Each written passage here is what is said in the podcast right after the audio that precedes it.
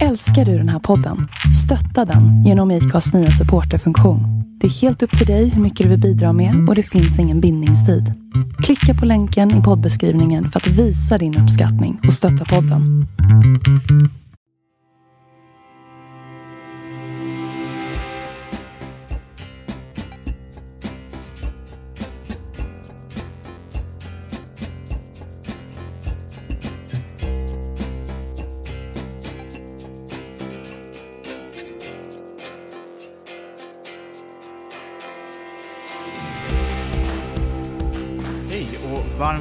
Välkomna till Andreas och Viktor förklarar politik. God dag Andreas.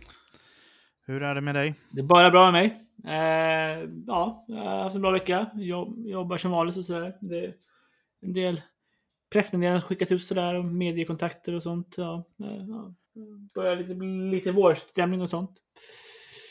Ja, och du då? Ja, det är fint väder just nu. Mm, mm. Eh, det har varit en väldigt mell alltså, mellanvecka för mig. Mm. Eh, det har inte hänt mycket alls.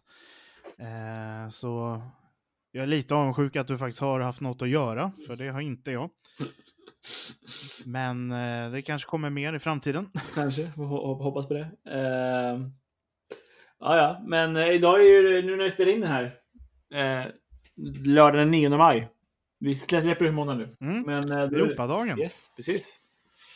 Och i dagens ära tänkte vi prata om Brexit. Ja. Eh, och det har ju fortsätter ju hela den här förhandlingsprocessen. Mm. Eh, efter att Storbritannien lämnade EU rent formellt så är det ju nu ett år med någon form av mellanläge Mm.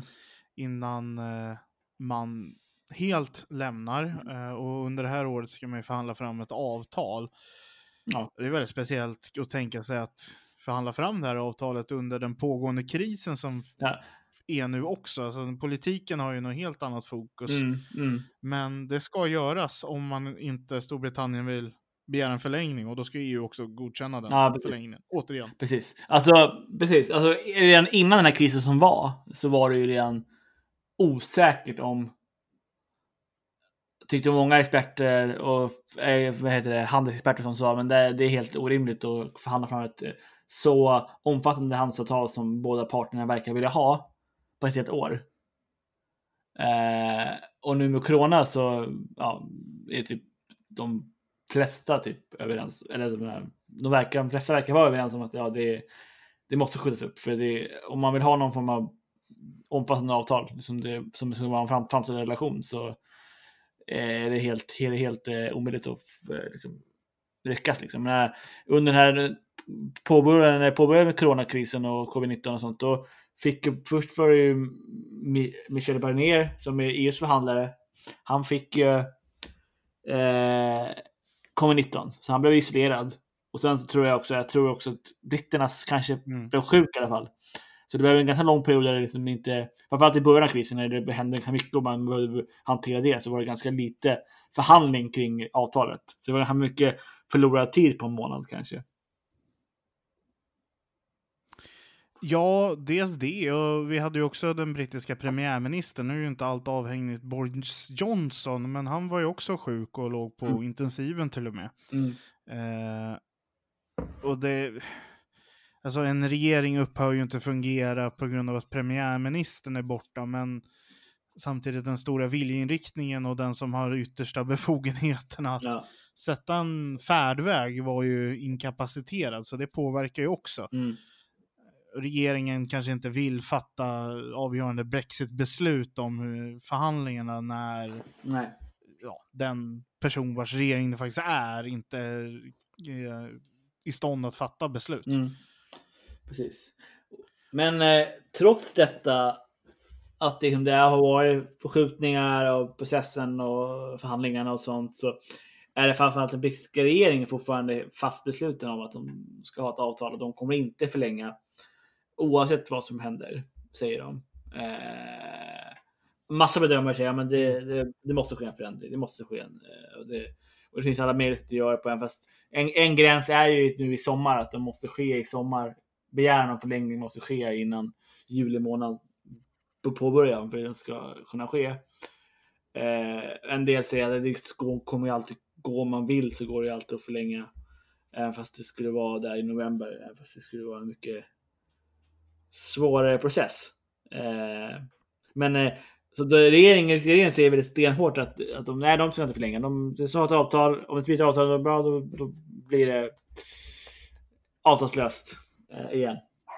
Eh, så att... Eh, Mm, mm. Ja, eh, det, det är svårt att säga. Liksom, för att det är lite kul att om man kollar på opinionsundersökningar nu så det- den, till, till, till och med de hårdföraste brexitörerna som har röstat på Brexitpartiet. Även nästan i alla fall. Nej, jag tror fan det var en, det var en flertal av deras väljare som ville att man skulle förlänga eh, förhandlingsperioden. Och eh, övergångsperioden. Okej. Så även de, men ändå så är regeringen... Har det kommit någon... Har det kommit någon analys av varför just de är så intresserade av det här? Nej, men alltså det, all, alla är ju liksom, eh, alltså det är även alltså rumänierna och de som är pro-Europe, de är ännu mer för att förlänga liksom. Mm. Så det är bara det att, jag vet inte, det, det, de är inte, de är vara mindre positiva än kanske befolkningen i helhet och framförallt de som eh, inte ville lämna från början. Men de, även bland dem så är det alltså ett flertal, eh, i alla fall fler än de som inte vill förlänga.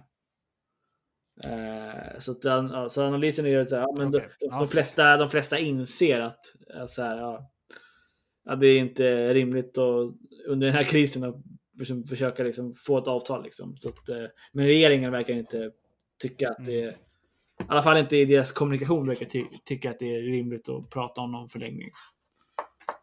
Eh, så ja. Nej, och det där kan ju ha flera olika orsaker till att man har den kommunikationen. Vi kan ju prata om det lite längre fram Mm. kanske, men eh, vet man någonting av vad som ha, hur förhandlingarna går eller har båda sidorna lyckats lägga locket på? Ja, nej, alltså man vet inte. I alla fall det jag har liksom, det, det lilla, jag följer inte lika slaviskt som jag gjort eh, jag gjorde innan Brexit, alltså innan själva, faktiskt lämnade EU. Eh, men det, som det jag ser är att, att det är det, det finns inte så mycket som, som, man, som man vet, men eh, det verkar finnas väldigt lite. Eh, eh, den brittiska regeringen verkar liksom undergräva sin egen eh, trovärdighet, för de försöker verkligen så här hitta till och med eh, försöka komma undan det här nordirländska eh, protokollet liksom. Försöker liksom under, se om de liksom kan liksom eh, att de inte behöver ha för hård gräns mot i den irländsk, nordirländska sjön. Eh, och sådär. Så det, så det, så det, så det, det, som, det som jag liksom har sett, och som verkar tomma ut, det är mer att, liksom, så här, att det inte sker så mycket och att det som sker är att liksom, förtroendet eh, för den brittiska regeringen från, för er, från EUs sida eh, börjar liksom försvinna. Liksom, att, för att de liksom inte ens liksom verkar stå upp för dem med det, det internationella avtal de har tecknat kring protokollet exempelvis. Okej. Eh, Ja, alltså britterna var väl lite, hur ska man säga, veliga och lite, eh, visste inte riktigt vad de ville eh, när, under de här förhandlingarna under de här nästan fyra åren som Mm. gick innan man lämnade. Och det var, måste ju varit väldigt frustrerande för EU att inte veta vad britterna faktiskt ville mer än att bara lämna och ha allting kvar men inte behöva göra någonting. mm. Det kanske var lite elak, men det var ju så det framstod. eh, att London betedde sig. Men det fortsätter alltså. Eh, Storbritannien vet fortfarande inte vad de vill. Nej, nej precis. Eller, så här, nej, det, det skulle man. Det är nog, det är nog en, en, spek, en spekulation eller analys man kan göra. För att det, det, alltså, man, eller man vet ju vad de vill, för de vill ha någon form av ganska co- comprehensive agreement, liksom frihandelsavtal. Liksom, så här, men de vill ändå liksom inte binda upp sig. Alltså, positionen är liksom De vill ha hela kakan men... Ja, men liksom inte exakt. De vill ha, men plocka ut russinen liksom. Som man säger. Ja, och gärna inte betala för dem heller. Nej, precis, precis, precis, precis. Så att det, är liksom det, det, är, det är den positionen jag har varit som rekrytörerna hela tiden. Liksom, att man vill ha ett starkt, eh, alltså någon form av, alltså positionen verkar vara, som jag har förstått från ryska regeringens sida är, ju- och den plattformen de blev valda på är att de vill ha någon form av Kanada plus eh, avtal liksom. Lite Kanada Mm, och plus mm. lite till liksom. Eh, så det, Och det är ju väldigt, ja, hur ska man säga, utan att kunna hela Kanada-avtalet i sin detalj, mm, så är ju det, ja visst det innebär handel, men det är ju, mm. Kanada är ju långt ifrån medlem i Nej. EU om man säger så. Ja, och det är Så precis, ju långt ifrån bit Ja, exakt. Ifrån. Mm. Det är stor skillnad mellan den inre marknaden Mm, och Kanada också. Ja, verkligen. Mm. Eh, och då är ju frågan, ja det var ju den här nyheten för några dagar sedan om att man skulle anställa 50 000 eh, formulärirfyllare Mm. när eh, det här övergångsperioden är över just för alla tulldokument man skulle behöva Mm, fylla i för mm. att transportera varor in i EU och eh, deklarera när de ska in i Storbritannien. Det är ju det är större än hela EUs byråkrati. Ja, och sen, och sen, och sen är det också... Det, Det, det är väldigt mycket folk. Ja, det är jättemycket folk. Det är verkligen så här, det, det säger en hel del om liksom, både EUs eh, ganska minimala by- byråkratiska organisation och sen liksom, hur mycket det krävs ändå för att upp, upprätthålla någon form av eh, ordentlig tull liksom, mot eh, när man har en eh, ganska hård gräns. Eh, men sen också, alltså sen Kanadaavtalet är liksom, det är inte bara att det är ganska långt ifrån, men sen, det är ganska, det är, alltså Kanadaavtalet är ganska generöst. Det är, det är ganska så här, eh, men skillnaden är just att Kanada ligger inte i Europa liksom. Det finns liksom inga exempel på avtal som EU har tecknat med ett europeiskt land som, som någonsin skulle teckna med ett europeiskt land som liknar Kanadas. För liksom, de, de, Kanada är inte, är inte europeiskt land, de är inte grannland till EU. Så det är, liksom, det är, så det, det är lättare att liksom ha andra typer av avtal då liksom. Uh, ja, så liksom. Uh, för här, liksom här i Europa då, då, då tecknar vi liksom så här inre, inre marknadsavtal av, av, avtal då. Liksom. Uh, ja, eh, så liksom. Jo, men det, det, den stora trenden i, i Europa i alla fall är ju att man vill ju in. Mm, mm, Det här är ju första gången någon vill ut, men ja, fortfarande vara kvar inne på något sätt. mm, Så det, är, ju- det kan ju förklara en liten del varför det här är så unikt mm, också. mm, Men visst, Kanada har ju sitt unik, eller inte unikt geografiskt läge, men i förhållande till Europa, Mm. eh, unika geografiska läge. Vilket gör att den här gräns, alltså det är väldigt få kanadensare som kör bil in i EU om man säger så. mm, Eh, Medan i mellan Frankrike och Storbritannien så har du ju en tunnel och massa färger och liknande. Mm. Alltså det blir ju en helt annan byråkrati. Och eh, Storbritannien är ju lite mer än dubbelt så stort som Kanada till befolkning Ja, och, och, men till ytan, eh, så här, in, inte, ens, inte ens hälften så. Lite så, lille plutt. Ja, Exakt. Det det, Storbritannien är väl liksom eh, lika stort som kanske eh, någon delstat i Kanada. Liksom. Någon provins. Ja, Ja. precis. Det- British Columbia kan nog kanske vara lika stort som Ja, Storbritannien. det är bra. typ. Ja, precis. Geografiskt, ja, precis. Ja. Mm, mm. Ja, precis. Så att... Eh, Och sen har ju Kanada liksom... Kanada har ju en annan... Vad ska man säga? Man, man är ett land som eh, mycket exporterar eh, olja och jordbruksprodukter. Kolla liksom när du köper majs, var den är odlad någonstans, Mm. så kommer det mm, troligen stå Kanada på den. Det är liksom det som tar sig till Europa från Kanada. mm, Och sen lite andra, det, det finns ju klart mer, men eh, förutom hockeyspelare och olja och majs och lite tv-spel så är det liksom ja. inte så mycket.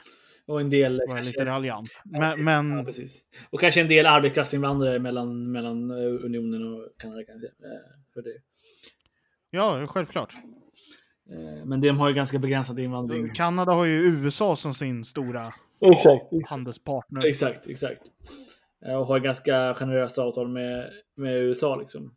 Som, eh, eh, som ja, har också skapat liksom så här, gör att det finns begränsningar i CETA-avtalet. Liksom. Mm, Eh, mm. Eh, jag kollar lite. De senaste. Det är så här. eh, En, en av de senaste. Jag gick in, jag gick in på New, Euronews här och här är en av de senaste eh, utvecklingarna är exempelvis eh, Michel Bernier. Han eh, anklagar Storbritannien att eh, dra fötterna bakom sig liksom. Eh, hur man säger på svenska. Eh, eh, över liksom eh, Brexit, post-Brexit-pratet, eh, eh, förhandlingarna liksom. Att de inte, ja, inte liksom är, är så på liksom. Eh, eh, och så. Eh, så att eh, men hur mycket av det är ett förhandlingsspel? ja, Alltså, det, det kan ju mycket väl vara så att, och de- den stora inställningen verkar ju vara så att det är britterna som är långsamma och det, Mm. de producerar inget material och lämnar inte över några ståndpunkter eller liknande till EU att ta ställning till. Mm. Men det är väl lika mycket förhandlingsspel av EU och Michel Barnier att eh, gå ut och anklaga britterna för att vara långsamma och absolut. inte leverera så att han sätter press på dem och ja, uppnår de syften och det han har i uppdrag från kommissionen. Mm. Eller? Jo, men, jo, men så, så, är, så är det väl absolut. EU har väl någon förhandlingsspel också, även som britterna har. Liksom. Eh, eh, och liksom så här, eh, och så är det. De är, de är inne i sitt eh, eh, andra runda av prat om den fram, framtida relationen. Eh, så det är den andra Mm. rundan. Av, så förmodligen där andra rundan, det är, låt, hade, hade det varit normalläge nu så hade vi förmodligen varit inne på kanske fjärde eller femte rundan, antar jag. Eh, men ju- just nu är den bara inne på andra rundan av prat. Liksom. Eh, så Ja, det har ju både för att britterna och EU har ju haft sjuka företrädare men också, mm. Ja, det verkar gå långsamt. Ja, precis. Alltså, det verkar inte som... eh, Storbritannien verkar kunna eh, komma med så här textförslag kring till exempel eh, viktiga områden kring fiske, fi- fiske exempelvis. Så att, eh, där det kommer ingenstans, för det kommer inga liksom, texter från Storbritannien, liksom, inga förslag och sånt. Eh, kring... Ja, fisket verkar ju vara en, en... Alltså där har EU väldigt starka ståndpunkter och försöker verkligen skydda rättigheterna i, för sina medborgare, om man säger så, Mm. och sina företag. Mm.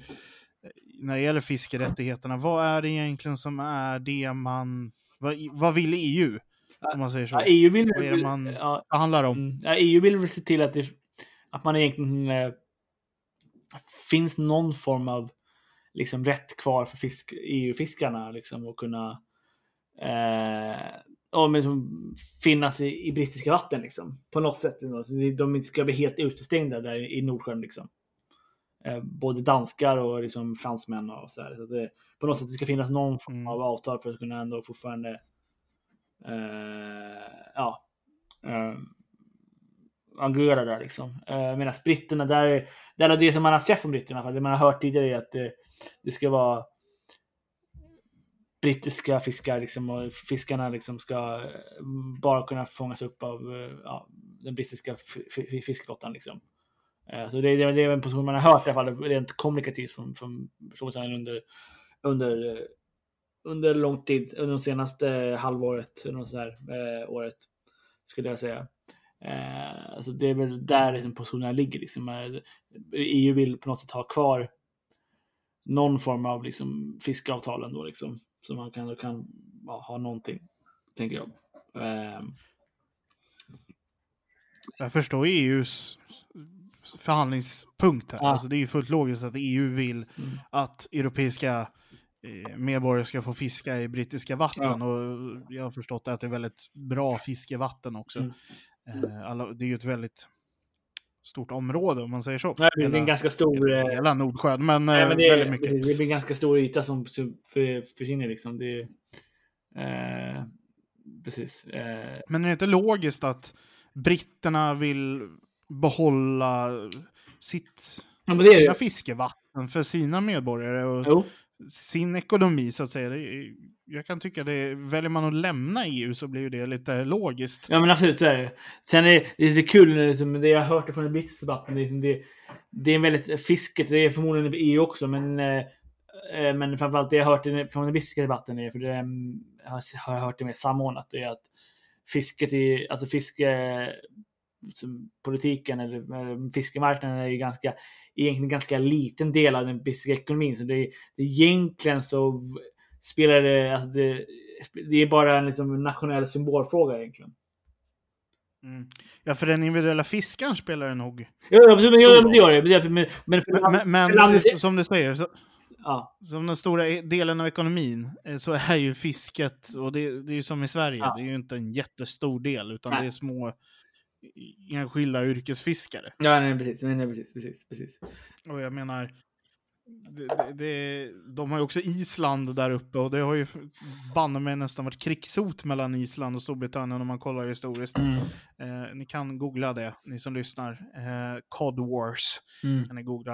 Eh, alltså, där, jag skulle vilja säga att Island är ett större problem och isländska fiskare än kanske mm. något annat när det gäller det här. Eller?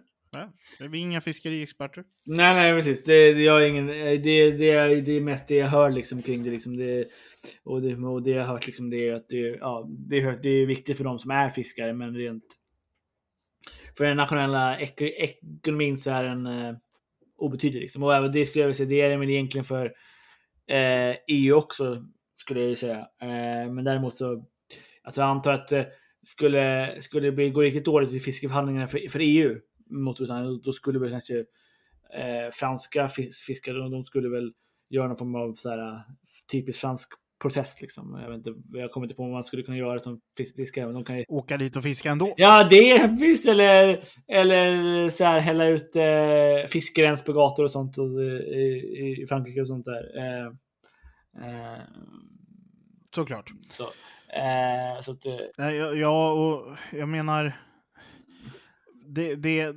det målet EU måste ha, det kan väl kanske vara lite klokt för hela Nordsjön, är att kvotsystemet, ja. alltså fisket har ju kvoter. Ja. Du får dra upp så här mycket fisk för att den inte ska bli överfiskad. Ja. Mm. Det måste i alla fall samordnas. Det, så att mm. den ena sidan inte utfiskar mm. bara för att, okej, okay, nu, nu finns det ju inga regler, nu sätter vi reglerna själva eller vad det må vara. Och antagligen, EU kommer ju behålla sitt kvotsystem man har idag. Mm. Och då kommer de här franska, eller holländska, danska fiskarna, eh, irländska, eh, tänka att nu blir vi orättvist förfördelade medan britterna får dra upp hur mycket fisk de vill. Mm. Nej, och så börjar det där bråket. Nej, nej, precis, ja. EUs mål måste väl kanske vara att hålla kvar i alla fall Storbritannien i kvotsystemet. Ja, det är väl det man, det är, det är, det är väl det kanske som är framförallt utifrån vad de har hört om nu verkar man inte fått några texter egentligen av utan vad de egentligen vill, men det man har hört liksom, det är väl att ja, det är väl. Det är väl egentligen det som är EUs realistiska mål, att de på något sätt på något sätt vill ha något sånt, sånt avtal liksom. Att det ska finnas någon form av gemensamt kursystem i alla fall. Kanske, in, kanske inte mm. att eh, man ska rätt fiska i deras vatten, men att man ändå ska gå efter samma kvoter. Eh, och så. Så, så, så, så absolut, absolut. Eh, men eh, det är, även det är en känslig punkt att eh, följa kvoter liksom, för britterna. Eh, så att, eller för brexitörerna i alla fall. Ja, då blir det hela den här självbestämmande debatten igen som ja, drar igång. Exakt. Exakt. exakt. Ehm, det... Sen det finns en del debatter från EPP har gått ut, alltså European People Party som är Moderaterna och KDs eh, moderorganisation. Eh, de har gått ut och sagt att de tycker att eh, Storbritannien bör, eh, bör förlänga liksom, eh, övergångsperioden. Liksom. Så det finns en viss eh, debatt inom EU att man Ja, det är väl rimligt att förlänga. Liksom. Så det finns en, även press från EUs sida mot Storbritannien att eh, för skulle Storbritannien vilja förlänga då är det nog ganska lätt. Då kommer nog inte EU direkt eh, tänka att nej, nej, men det gör vi inte. För att alla, alla har ju problem med covid-19. Så Ja, eh, och speciellt det här året ja, exakt, exakt. borde ju inte det vara några problem. Och du kan ju till och med använda coronaviruset som ett svepskäl till varför förhandlingarna inte är klara. Ja, men viruset tog allt fokus mm, från mm. båda sidor. Så vi, eh, hann inte med helt enkelt. Eh, och vi måste fortsätta ett år till. Mm, mm, mm. Då, då är det ingen ens som kommer anklaga någon för att vara lat eller seg eller inte kunna prestera. Nej, utan det, Nej, men det, och nästan, även rent opinionsmässigt i Storbritannien så eh, är det så svårt att förstå det där. För att eh, som jag sa, det, det, även bland brexitörer så finns det en, en, en samstämmighet kring att man ska förlänga liksom. Så att det är lite konstigt. Eh, att, alltså det är någon form av förhandlingsspel förmodligen, kanske. Men det är ändå- det är ändå väldigt konstigt liksom. För det är, jag vet inte liksom vad man vad de tjänar på att säga att de inte ska förlänga liksom i det här läget. Just nu liksom. Nej, alltså anledningen tror jag till att Storbritannien går ut så hårt med att vi ska Ja. köra det här i kaklet och att vi kommer inte begära någon förlängning är just en förhandlingstaktik. Man vill inte visa sig som svag eller liknande, utan man kör tills man faktiskt måste begära en förlängning eller liknande. Mm. Så kör man med att ingen förlängning kommer behövas. Mm. För annars så blir ju, man förlorar väl lite, eh, ska man uttrycka det, lite fart och lite kraft i förhandlingarna och förhandlingsutrymme. Mm. Om man går ut med att säga att vi, vi klarar inte av det här. Nej, men jag vet inte. Det... Vad tror du? Ja, men, ja, jag, jag, ja, men det är väl så jag tror att de tänker. Men samtidigt, jag vet inte. Det här, alltså I det här läget så vet jag inte. Det hade, om det hade varit normalläge så hade det varit, varit... För då hade det fortfarande varit svårt att komma överens med ett omfattande avtal liksom, eh, innan årsskiftet. Så då hade det varit logiskt kanske att- det hade funkat med den taktiken. Men jag vet inte nu liksom. Det, är så här, men, eh, det går inte, jag tror inte att det går att ha så mycket hög, hög, högre fart i förhandlingarna än vad man har. Liksom. Och jag tror inte att eh, så här, det skulle bli så mycket lägre fart bara för att man förlänger. Liksom, så länge man är klar med att man vill fortfarande ha samma styrk eh, så mycket som möjligt. Liksom. Eh,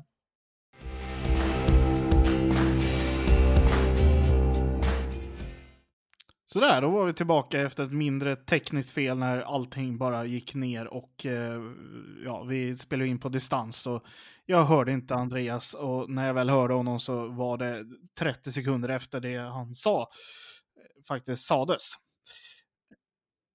Och vad vi pratade om var att jag hade en fråga om eh, hur coronaviruset påverkar hela brexitförhandlingarna och om någon räknar med de effekter som finns på eh, ekonomi, eh, lagstiftningsprocess, alltså alltihop, och, eller om det finns fler saker som man vill vara med i nu när man ser vad viruset för med sig för olika effekter.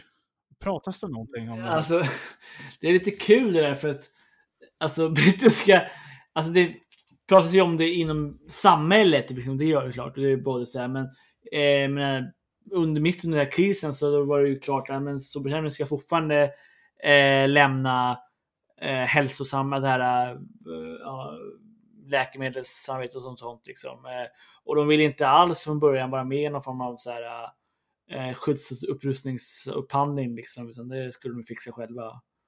Eh, Har de gått med i den idag? För Nej, de eh, tackade nej till början i alla fall. Ja, jag tror inte att de inte har gjort det. Men jag, jag, tror, jag läste någonting om att det, någonting hade ändrats. Det var någonting med det här med medicinskt samarbete som hade ändrats. Men jag tror inte det var det.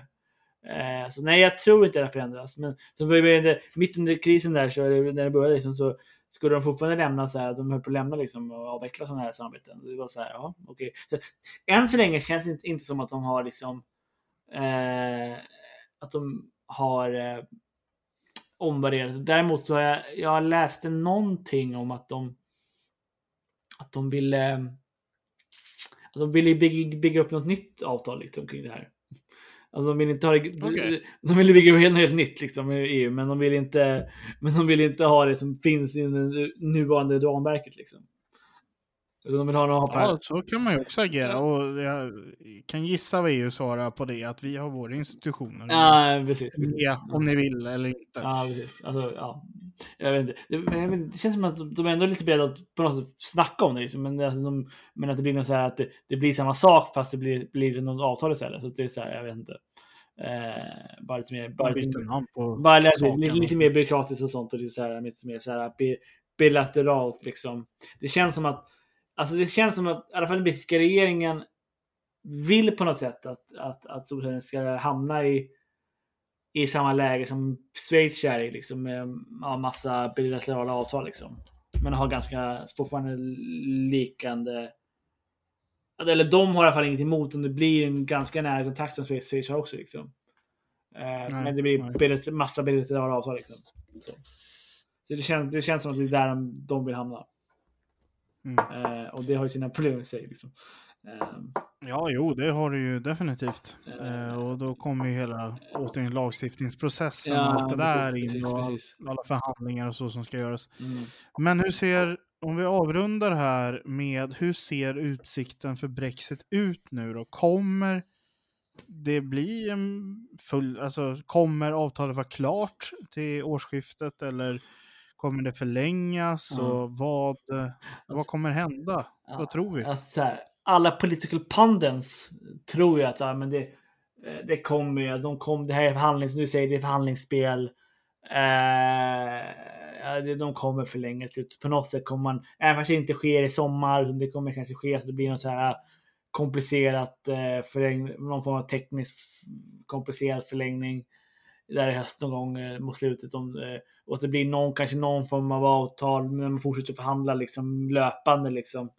Eh, men att det, ja, alltså jag vet inte, men det låter som att det skulle kunna bli något sånt, men samtidigt så känns det som att ja, eh, jag vet inte. Det, den, här, den här regeringen verkar vara så, framförallt med mm, Dominic Cummins, eh, han verkar ha väldigt så här, tycka att eh, det här med kaosteori är bra. Så det, det ska bara liksom så här, välta upp allt upp och ner liksom och se till att det rensa ut liksom. Han har ju rensat ut folk från Whitehall och sånt ser ut som. Så han har ju väldigt stenhård kontroll sådär.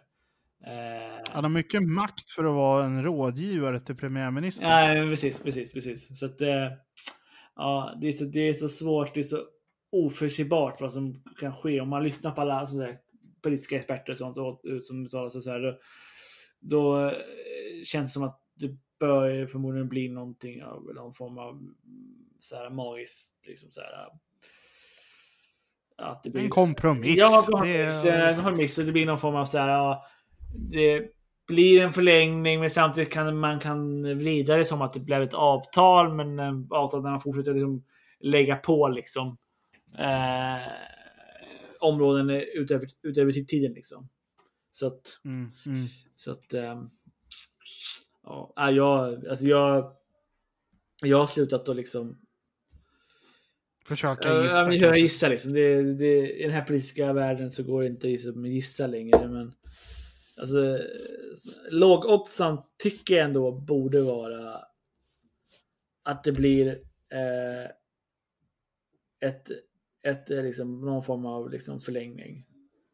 Eh, det är lågoddsan och ja, nu har jag inte kollat på oddsen, men jag, ja, det, jag tror att oddsen säger det också faktiskt det är väl troligt. Och det intressanta med här är att bettingbolag brukar ju faktiskt vara väldigt bra Nej. på att eh, uppskatta vad som kommer hända. Det, det, är väldigt sällan de misslyckas. Och det är ju det de tjänar pengar på också. Så det är väl Nej, men lika precis, bra. Precis, precis, precis. Eh, exakt. Eh,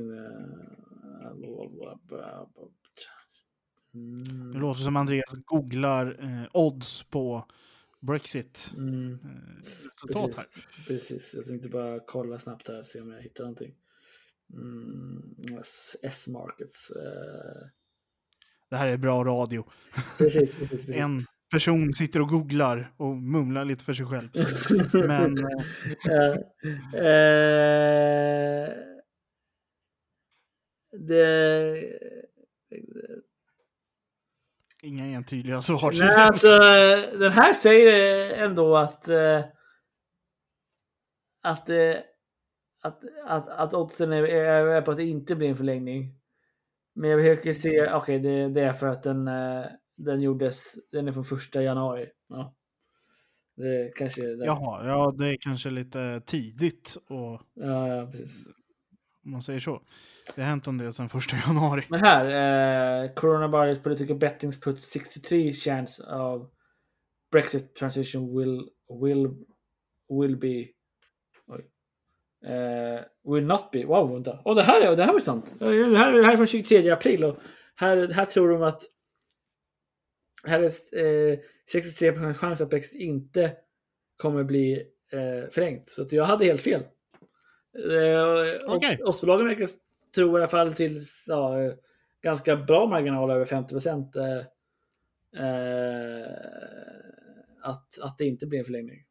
För några två veckor sedan i alla fall. De litar på Boris Johnsons uttalanden helt enkelt. Ja, precis, precis, precis. om att inte Precis. förlänga. precis. De som eh, satsar pengar, liksom, sina, sina kontanter liksom, på saker, de litar på att han, det han säger är, är sant. Eh, ja. Det är sant. Då får vi se helt enkelt om eh, Ja. de som satsade på att det blir en förlängning vinner några pengar. Ja, exakt. Det blir, det blir, det blir, det, exakt. Man kanske ska lägga, lägga någonting på det så man finner någonting kanske om man, om man vågar tro på det. Jag vet inte. Lägg, lägg tio. Ja, precis, precis. Eh, ja, ja okej, bra. Eh, ja, vi får se. Det, eh, men, men det här såg man ju att det har ju sjunkit med typ så här eh, över 10 procent sedan första, första januari i alla fall. Ja, Så att, eh, Ja. så att det har ju fortfarande, och det kommer förmodligen ändå fortsätta sjunka tror jag. Det kommer säkert bli mer osäkert om så här. Eh, eller ja, det beror ju på. Eh, så länge regeringen håller fast vid sina uttalanden och säger att det inte ska bli förlängning och ju längre tiden går, då, så länge blir politiska möjligheten för en förlängning också svårare. Så, ja, ja, äh, ja så, så är det. så är Så det. är det. Eh, ja. Eh, är det någonting mer vi tänker kring Brexit som, eh, som du har funderat på? Du funderar på? Inte från min sida, utan vi får se vad som händer efter sommaren helt Mm. enkelt. När vi vet lite mer om viruset och hur långt man har kommit i förhandlingarna Mm. tror jag. Mm. Eh, Så får Vi vi kommer checka in här igen och Precis. ge en lägesrapport.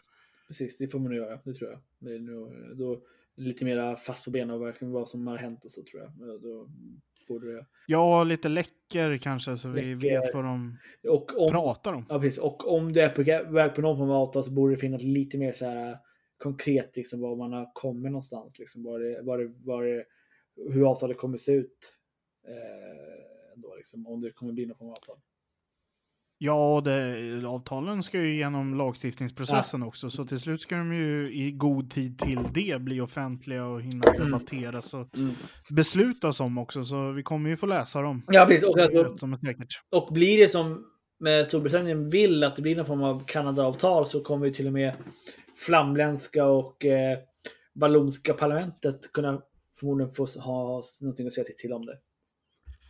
Just det. Eh, den historien. Eh, Var det vallonerna stoppade Kanada-avtalet? Just, det var de enda som sa, nej liksom. Och det var så här eh, en, en befolkning på fem miljoner.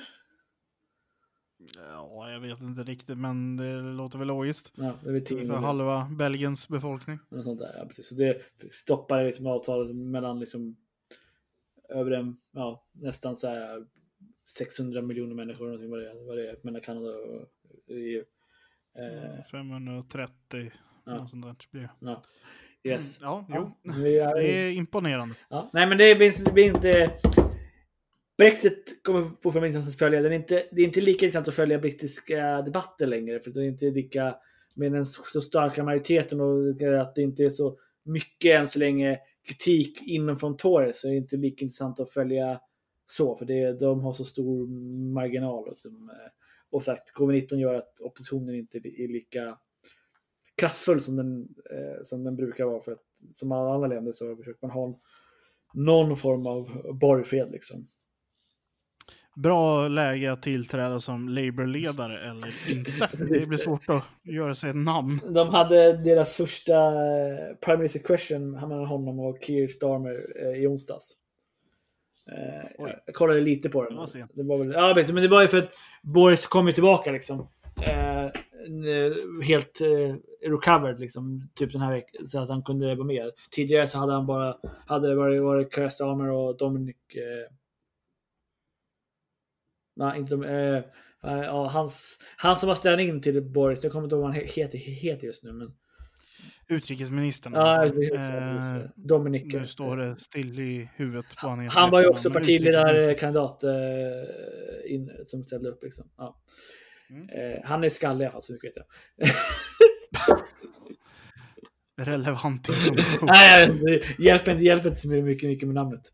Eh, ja, eh, ja, men så, att, så att det, det har ju varit liksom innan, men det var första gången som Boris liksom var fullt eh, återställd så han kunde vara med i parlamentet. Mm. Ja, Och med den, de orden kanske vi ska runda av Absolut. veckans avsnitt. Ja. eh, ja, hoppas att ni tyckte att det här var intressant och att ni behöver få matnyttig information kring vad som händer kring eh, Brexit. Och eh, ja, följ oss på Facebook och där poddar finns. Ja, det var väl allt. Ha det bra.